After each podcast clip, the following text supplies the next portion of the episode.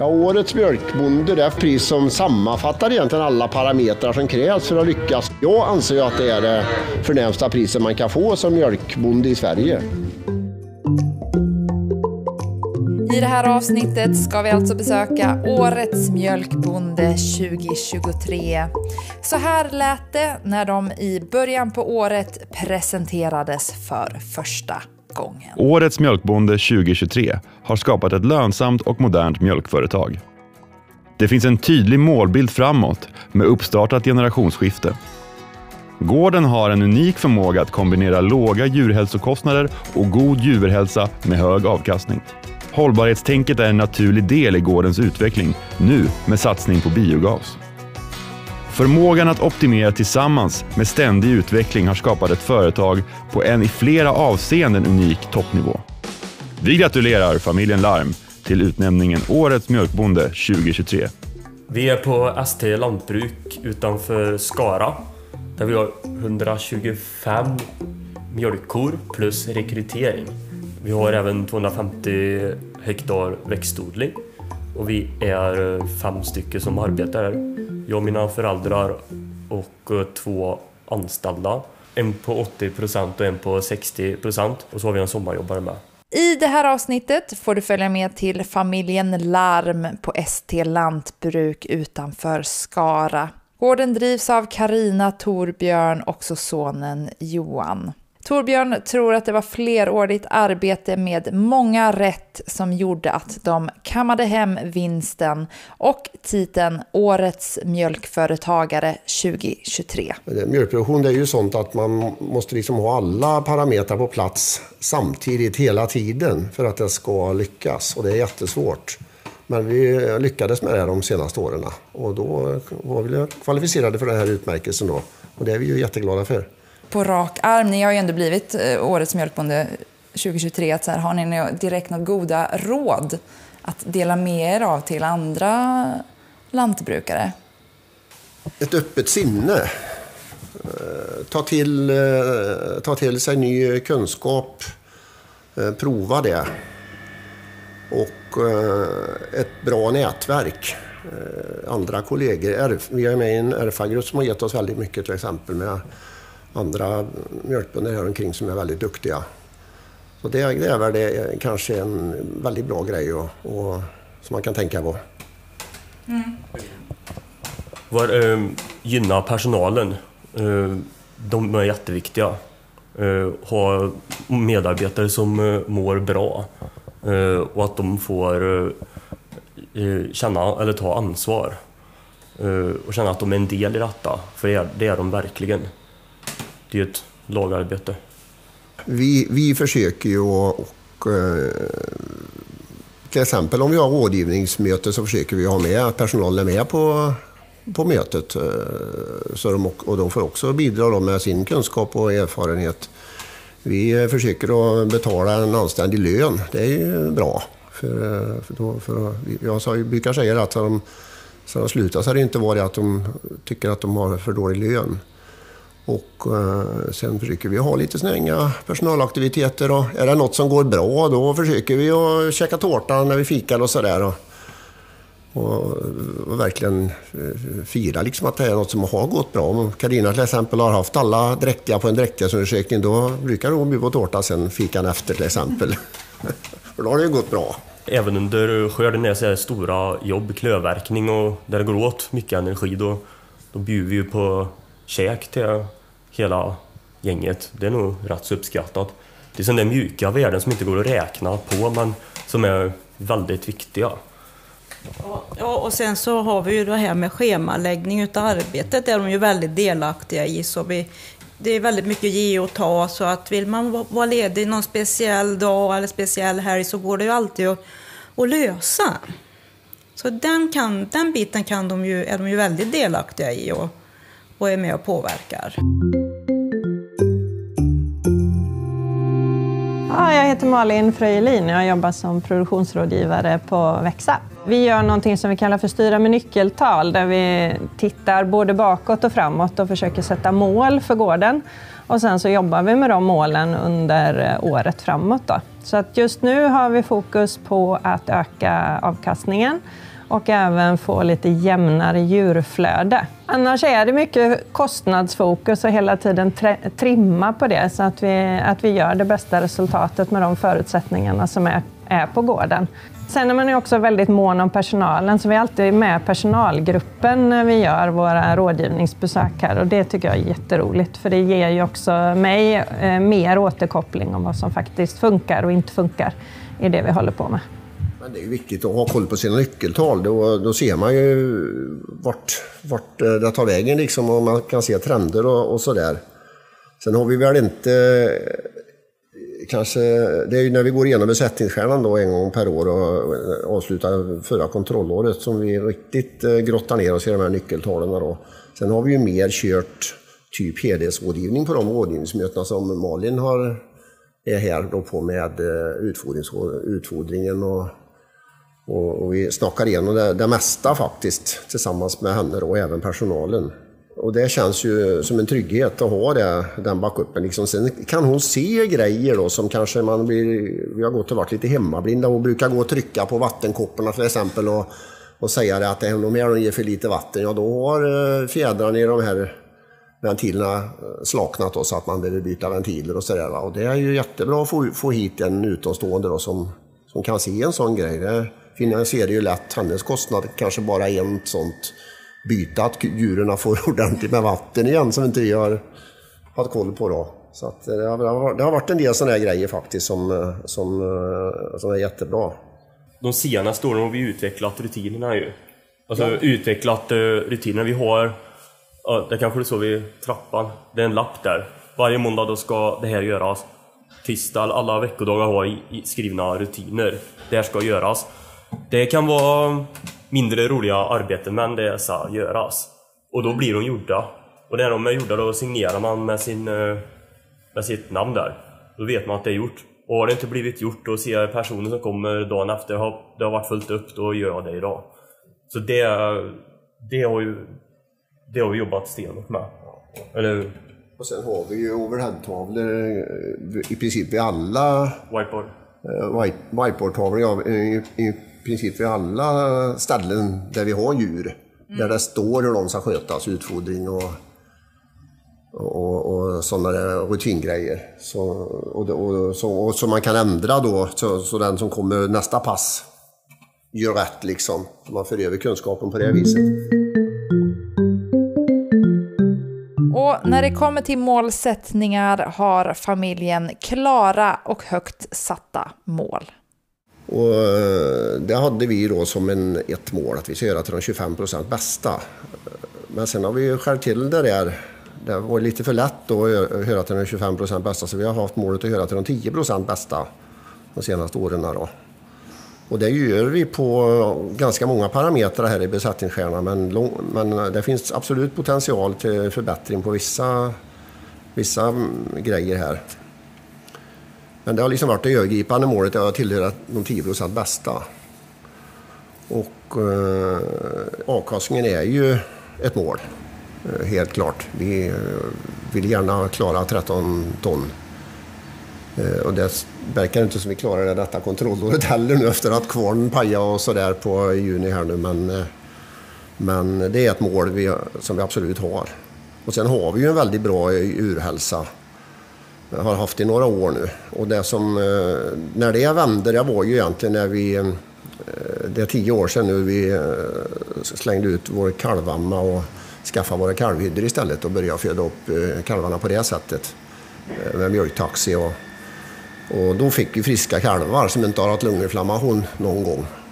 Vi använder knappt aldrig antibiotika i kalvuppfödningen längre. Och då får vi in friska djur som har växt bra i produktionen. Och då har man en helt annan utgångspunkt än att få in sådana kalvar som har, som har liksom fått haft lunginflammation och, och varit sjuka. Så det, det, är en sån där grej som var väldigt bra, som vi ser. Något som togs upp i motiveringen när familjen vann Årets mjölkbonde var den fina djurhälsan.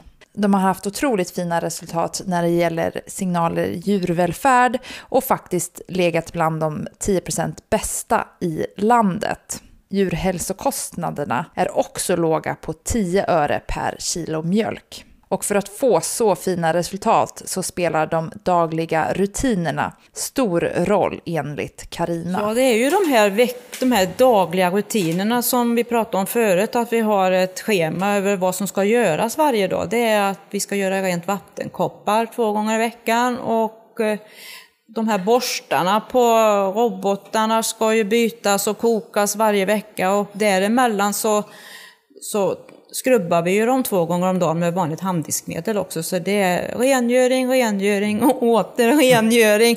Vara rent vatten, rent foder, rent i båsen, klippa vid behov och klippa päls och djur och svansar. Och det är mycket rengöring och så naturligtvis avelsarbetet med.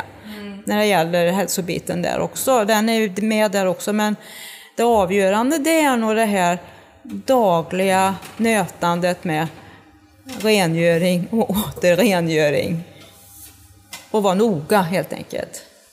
Och så blir det någon som blir sjuk, ja då är det veterinären som direkt, va, om det är juverinflammation. Så man inte låter den där gå där och smitta ner hela besättningen utan, utan bryta den där smittan.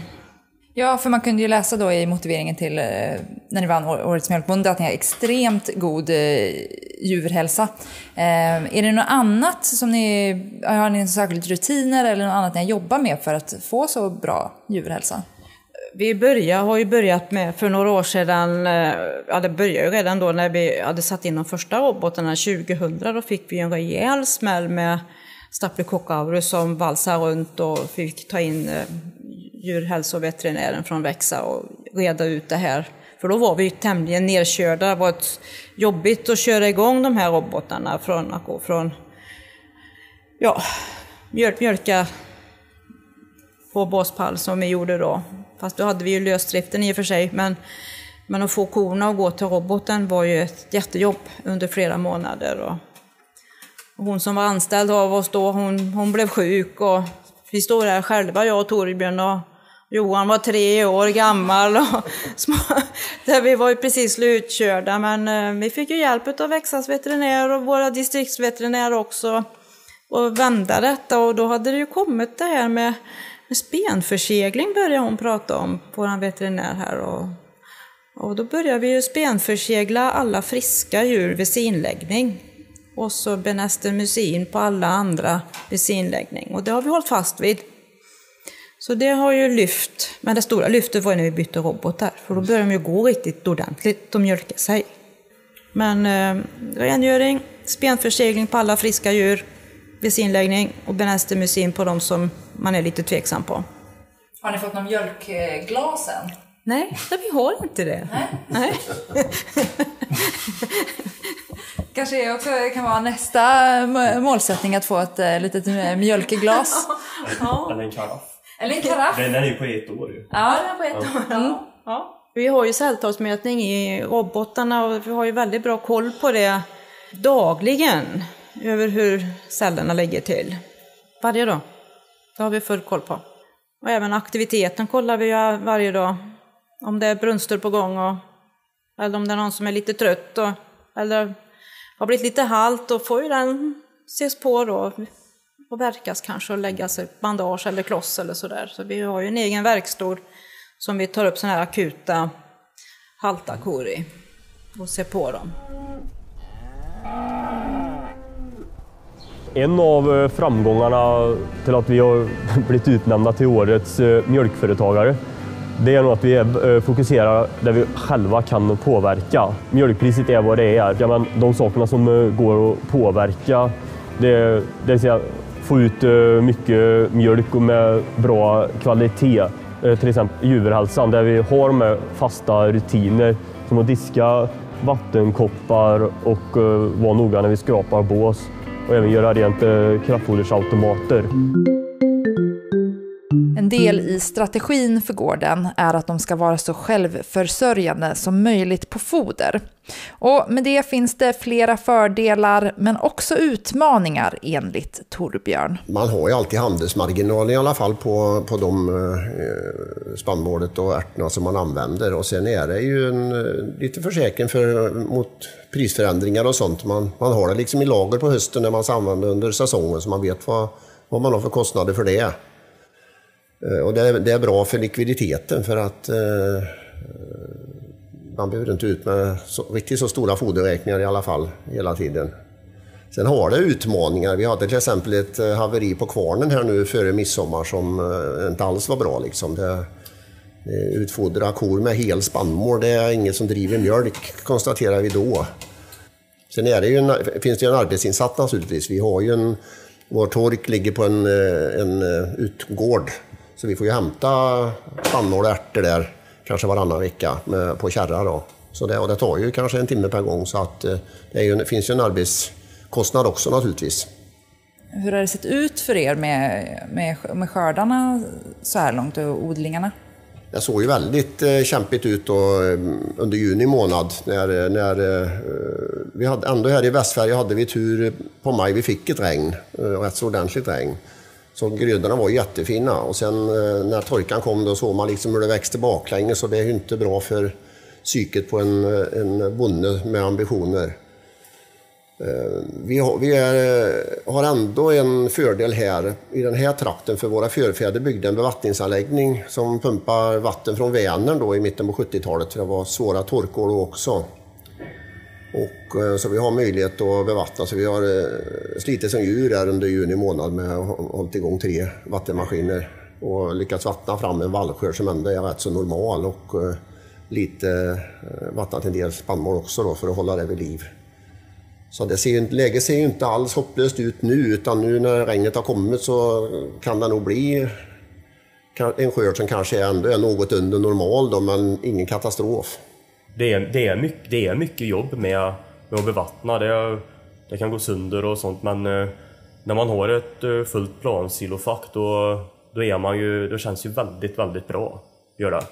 Så det är, det är det som är belöningen mm. när man har täckt silon och man fått in ett bra gräs. Helt klart. Och Johan, du fick ta hand om ena skörden eh, själv medan föräldrarna åkte på semester? Jag var ju inte själv, jag hade ju jag hade jätteduktiga medarbetare till hjälp som eh, ställde upp eh, och, och det. Eh, så det gick jättebra. Det var mycket jobb men, och kor samtidigt och en jädra cirkus, men det var kul. När vi, när vi, hade, när vi hade täckt sista silon, fyra timmar senare, kom det ett hällregn. Då mådde vi riktigt bra allihopa. vi försöker hålla det enkelt. Eller vi har en enkel och fun funktionsduglig maskinpark. Det har ju varit, eh, det har varit ditt mål, eller din strategi. Eh, har det varit. Vi är, ju, vi är ju väldigt olika på den här gården, eh, vi som jobbar här. Karin och jag är väldigt olika. Vi har olika profil liksom. Jag, jag är ju rätt så händig och mekaniskt duktig och sådär. kanske, kanske är rätt långt fram i tänket så. Kanske lite för långt fram ibland. Carina är ju mer hemma på jorden om man säger så och sköter, håller koll på djuren och, och det är inga dagliga rutinjobben och det så att det rullar på på ett bra sätt. Och då, ju, då får man ju utnyttja de tillgångarna man har. Och då har jag kunnat ha lite äldre maskiner kanske och underhålla dem själv och ändå fått en acceptabel maskinkostnad på det. Och jag heter Katarina Eriksson och jag jobbar som avelsrådgivare på Växa. På den här gården finns det både SRB och Holstein och där försöker vi att få dem så jämnstora som möjligt genom att ta tjurar med lite mindre reslighet på de svarta och eh, på den röda sidan väljer vi lite större tjurar. Jag frågade familjen vad de har för mål just nu och fick svaret att ett mål är att korna ska hålla längre så att de kan sänka rekryteringsprocenten. Karina är den som håller i avelsarbetet. Vi använder ju eh, en hel del köttgas också för att få ner den och då måste vi behålla de äldre korna lite längre. Ja, det har väl varierat mellan 15 och 17 procent som vi har använt på alla semineringar. Och då seminerar vi även en del kvigor med köttras också som vi tycker att här kanske det inte är riktigt så bra men hon får kalva in i alla fall. Så får vi se vad det blir med henne.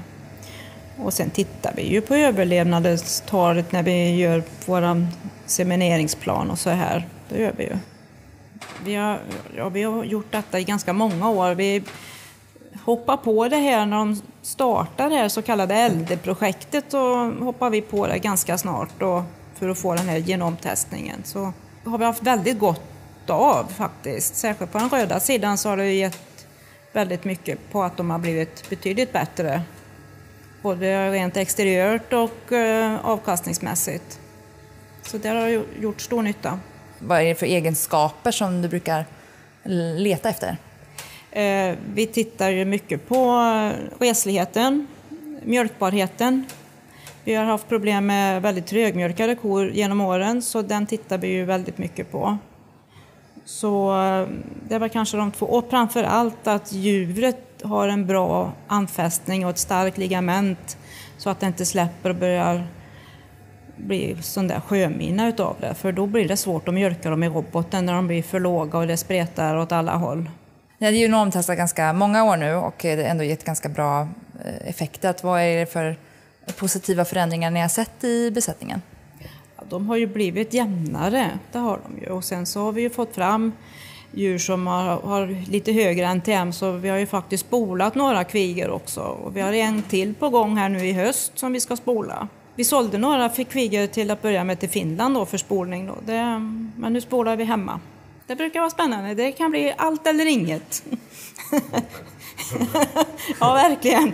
Den första, första spolningen vi gjorde, då, ja, vi fick en dräktighet. Och, och kvigan som vi spolade som vi skulle seminera henne sen, de, hon blev inte dräktig, hon gick till slakt. Den kvigkalven som föddes efter henne fick vi heller inte dräktig, så den gick till slakt där med, så det var ju total fiasko. ja, och sen kvigan nummer två som vi spolade, där fick vi ut tio användbara embryon. Så då sålde vi fem och så la vi in fem. Och alla, alla fem embryon som vi la in färska, de blev fem födda kalvar. Tre tjurar och två kvigor. I NTM ligger de ungefär fem enheter över riksmedeltalet. Men det är ju sånt där lång, långsiktigt arbete hela tiden. Det har vi hållit på med ända sedan vi började i princip. Om man sa två raser så bör de vara lika stora. Och holsteindjuren har ju en tendens att sticka iväg i storlek och det är det Karina jobbar så mycket med avelsmässigt då. Och välja tjurar som ger lägre eller mindre holsteindjur och eh, SRB-djuren vill vi ha upp då i storlek. Så att de, där väljer Karina sådana som ger större avkommor istället. Då. Och vi har ju lyckats och, ändå lyckats att eh, ha dem relativt jämnstora. Och då hävdar sig också SRB emot holsteindjuren. Men visst mjölkar Holsteindjuren mer alltså. De, det skiljer ungefär 1000 kilo i avkastning. Nu har vi 60 procent SRB och 40 Holstein så att eh, SRB-djuren håller ju bättre. Åtminstone i, en, i ett sånt här system som kanske inte är som är lite äldre då, inte helt optimalt ur, eh, med, djur, med djurkomforten. Det kanske är lite trångt på sina ställen och sådär så att det, det blir lite, lite tuffare miljö då. Och sen eh, brinner ju Karina lite extra för SRB-djuren och det kan ju säkert vara en orsak till att, det, att de blir fler. Ja, men de, de, är, de är bättre än man kan tro. Alltså det, man hör många saker om de röda korna att det är små feta köttbullar som inget mjölkar. Va? Men, det, men, då, men man måste satsa på dem helt enkelt. Det går inte att köra det med vänster hand utan man måste vara, satsa på dem helt enkelt. Ta det bästa. Karina och Torbjörn har varit mjölkbönder sedan 1986 och just nu håller familjen på att förbereda ett generationsskifte där Johan så småningom kommer att ta över gården. Men nu är ju den stora grejen, det är ju det generationsskiftet nu då. Som vi ju har eh, laddat för.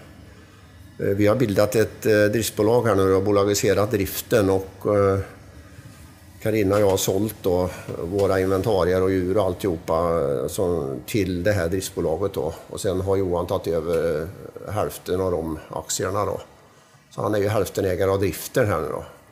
Så, och det är ju liksom den teoretiska biten av ett generationsskifte då. Och sen är ju tanken att han ska, allt eftersom Karin och jag loggar ut och säger att han ska ta över mer, större del av driften. Sen är det ju den här praktiska biten, som hands-on-biten då som, som vi är inne i nu egentligen då när Johan har kommit hem ifrån sin, han är ju färdig lantmästare nu och, och, och, och nu ska han liksom ta över här och visa att han är en duktig mjölkföretagare då för banken egentligen.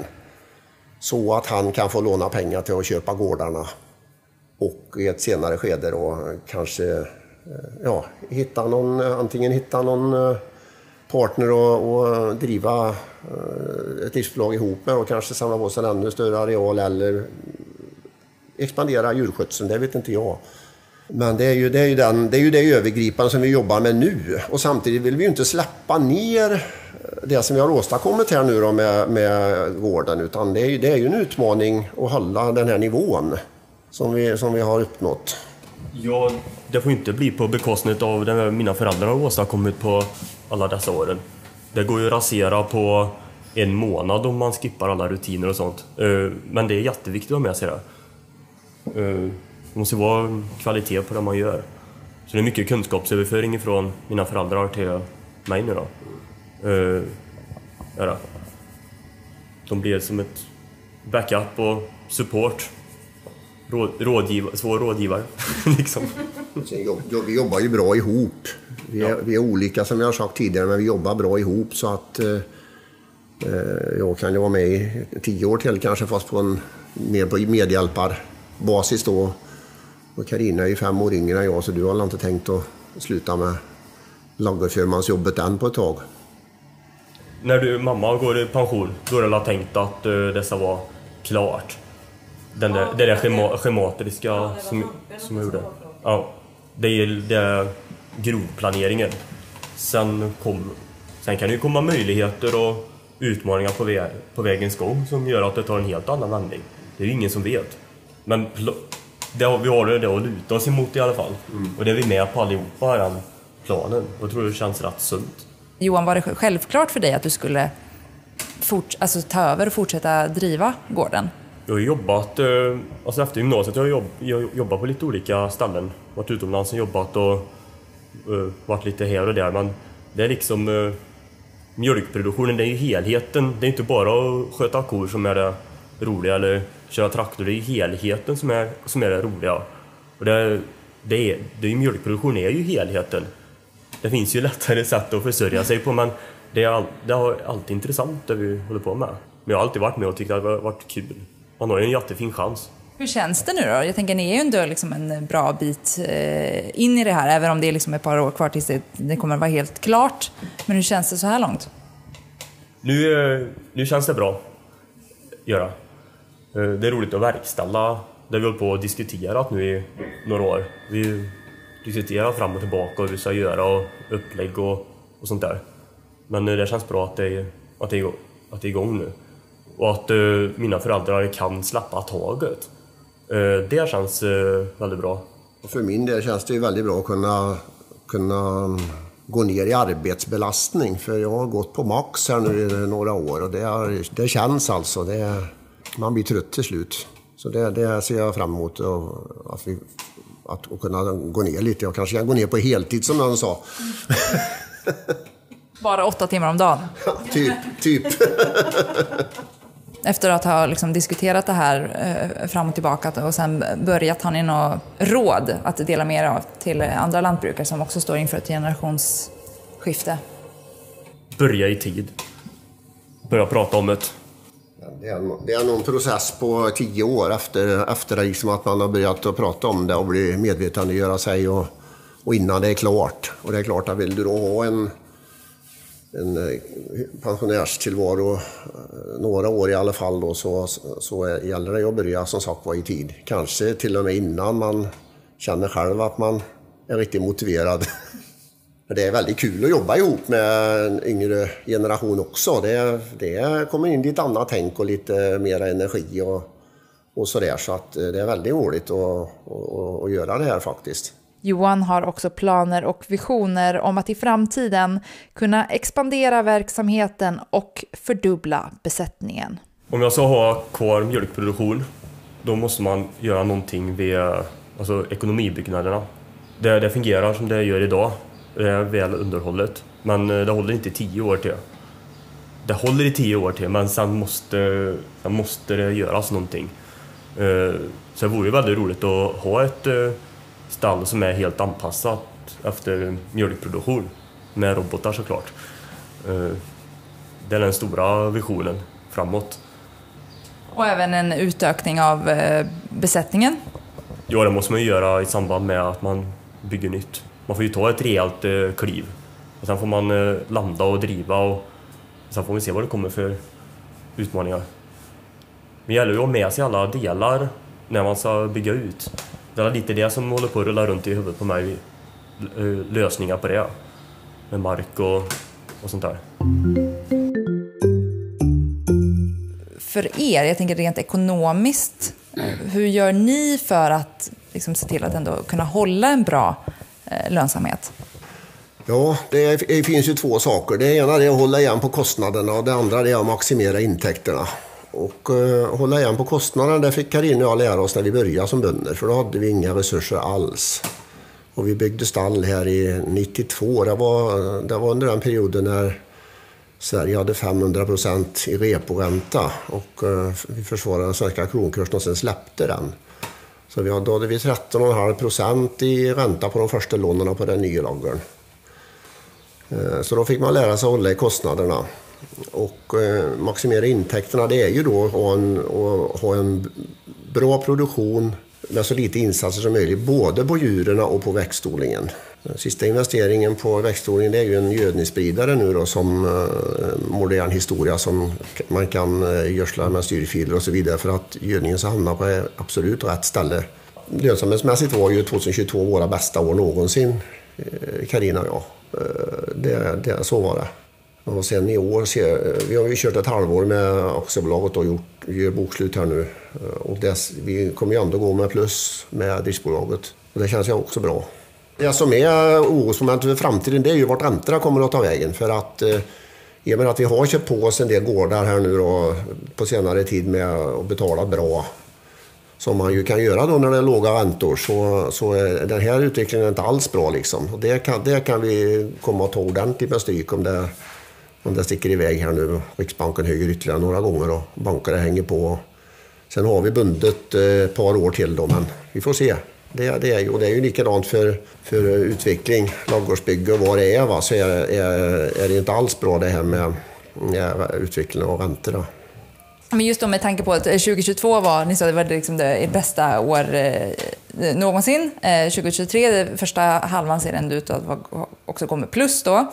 Så när vi tittar framåt, vad tänker ni om ja, men, eh, liksom företagets läge framåt, rent ekonomiskt? Som vi har sagt förut, att eh, hålla uppe produktionen. Eh, eh, gör det, gör det, det du kan påverka själv. Mjölkpriset, alltså det, det är inte så mycket att göra ved. Du kan uh, se till att ha hög mängd och bra kvalitet. Så att du får ut bra pris och så mycket mjölk. Friska djur. Friska djur. Och så försöka höra till de 10 procent bästa. Just. För då är det inte du som går i konkurs först i alla fall. Just det. De har gått kaxighetskursen där egentligen. Nu stack jag ut. Nu oj, oj. Vi hörde från Johan, Karina och Torbjörn Larm. Vinnare av Årets mjölkbonde och Årets mjölkföretagare 2023. Och det var allt från Kopodden för den här gången. Alla avsnitt hittar du precis som vanligt på kopodden.se och där poddar finns.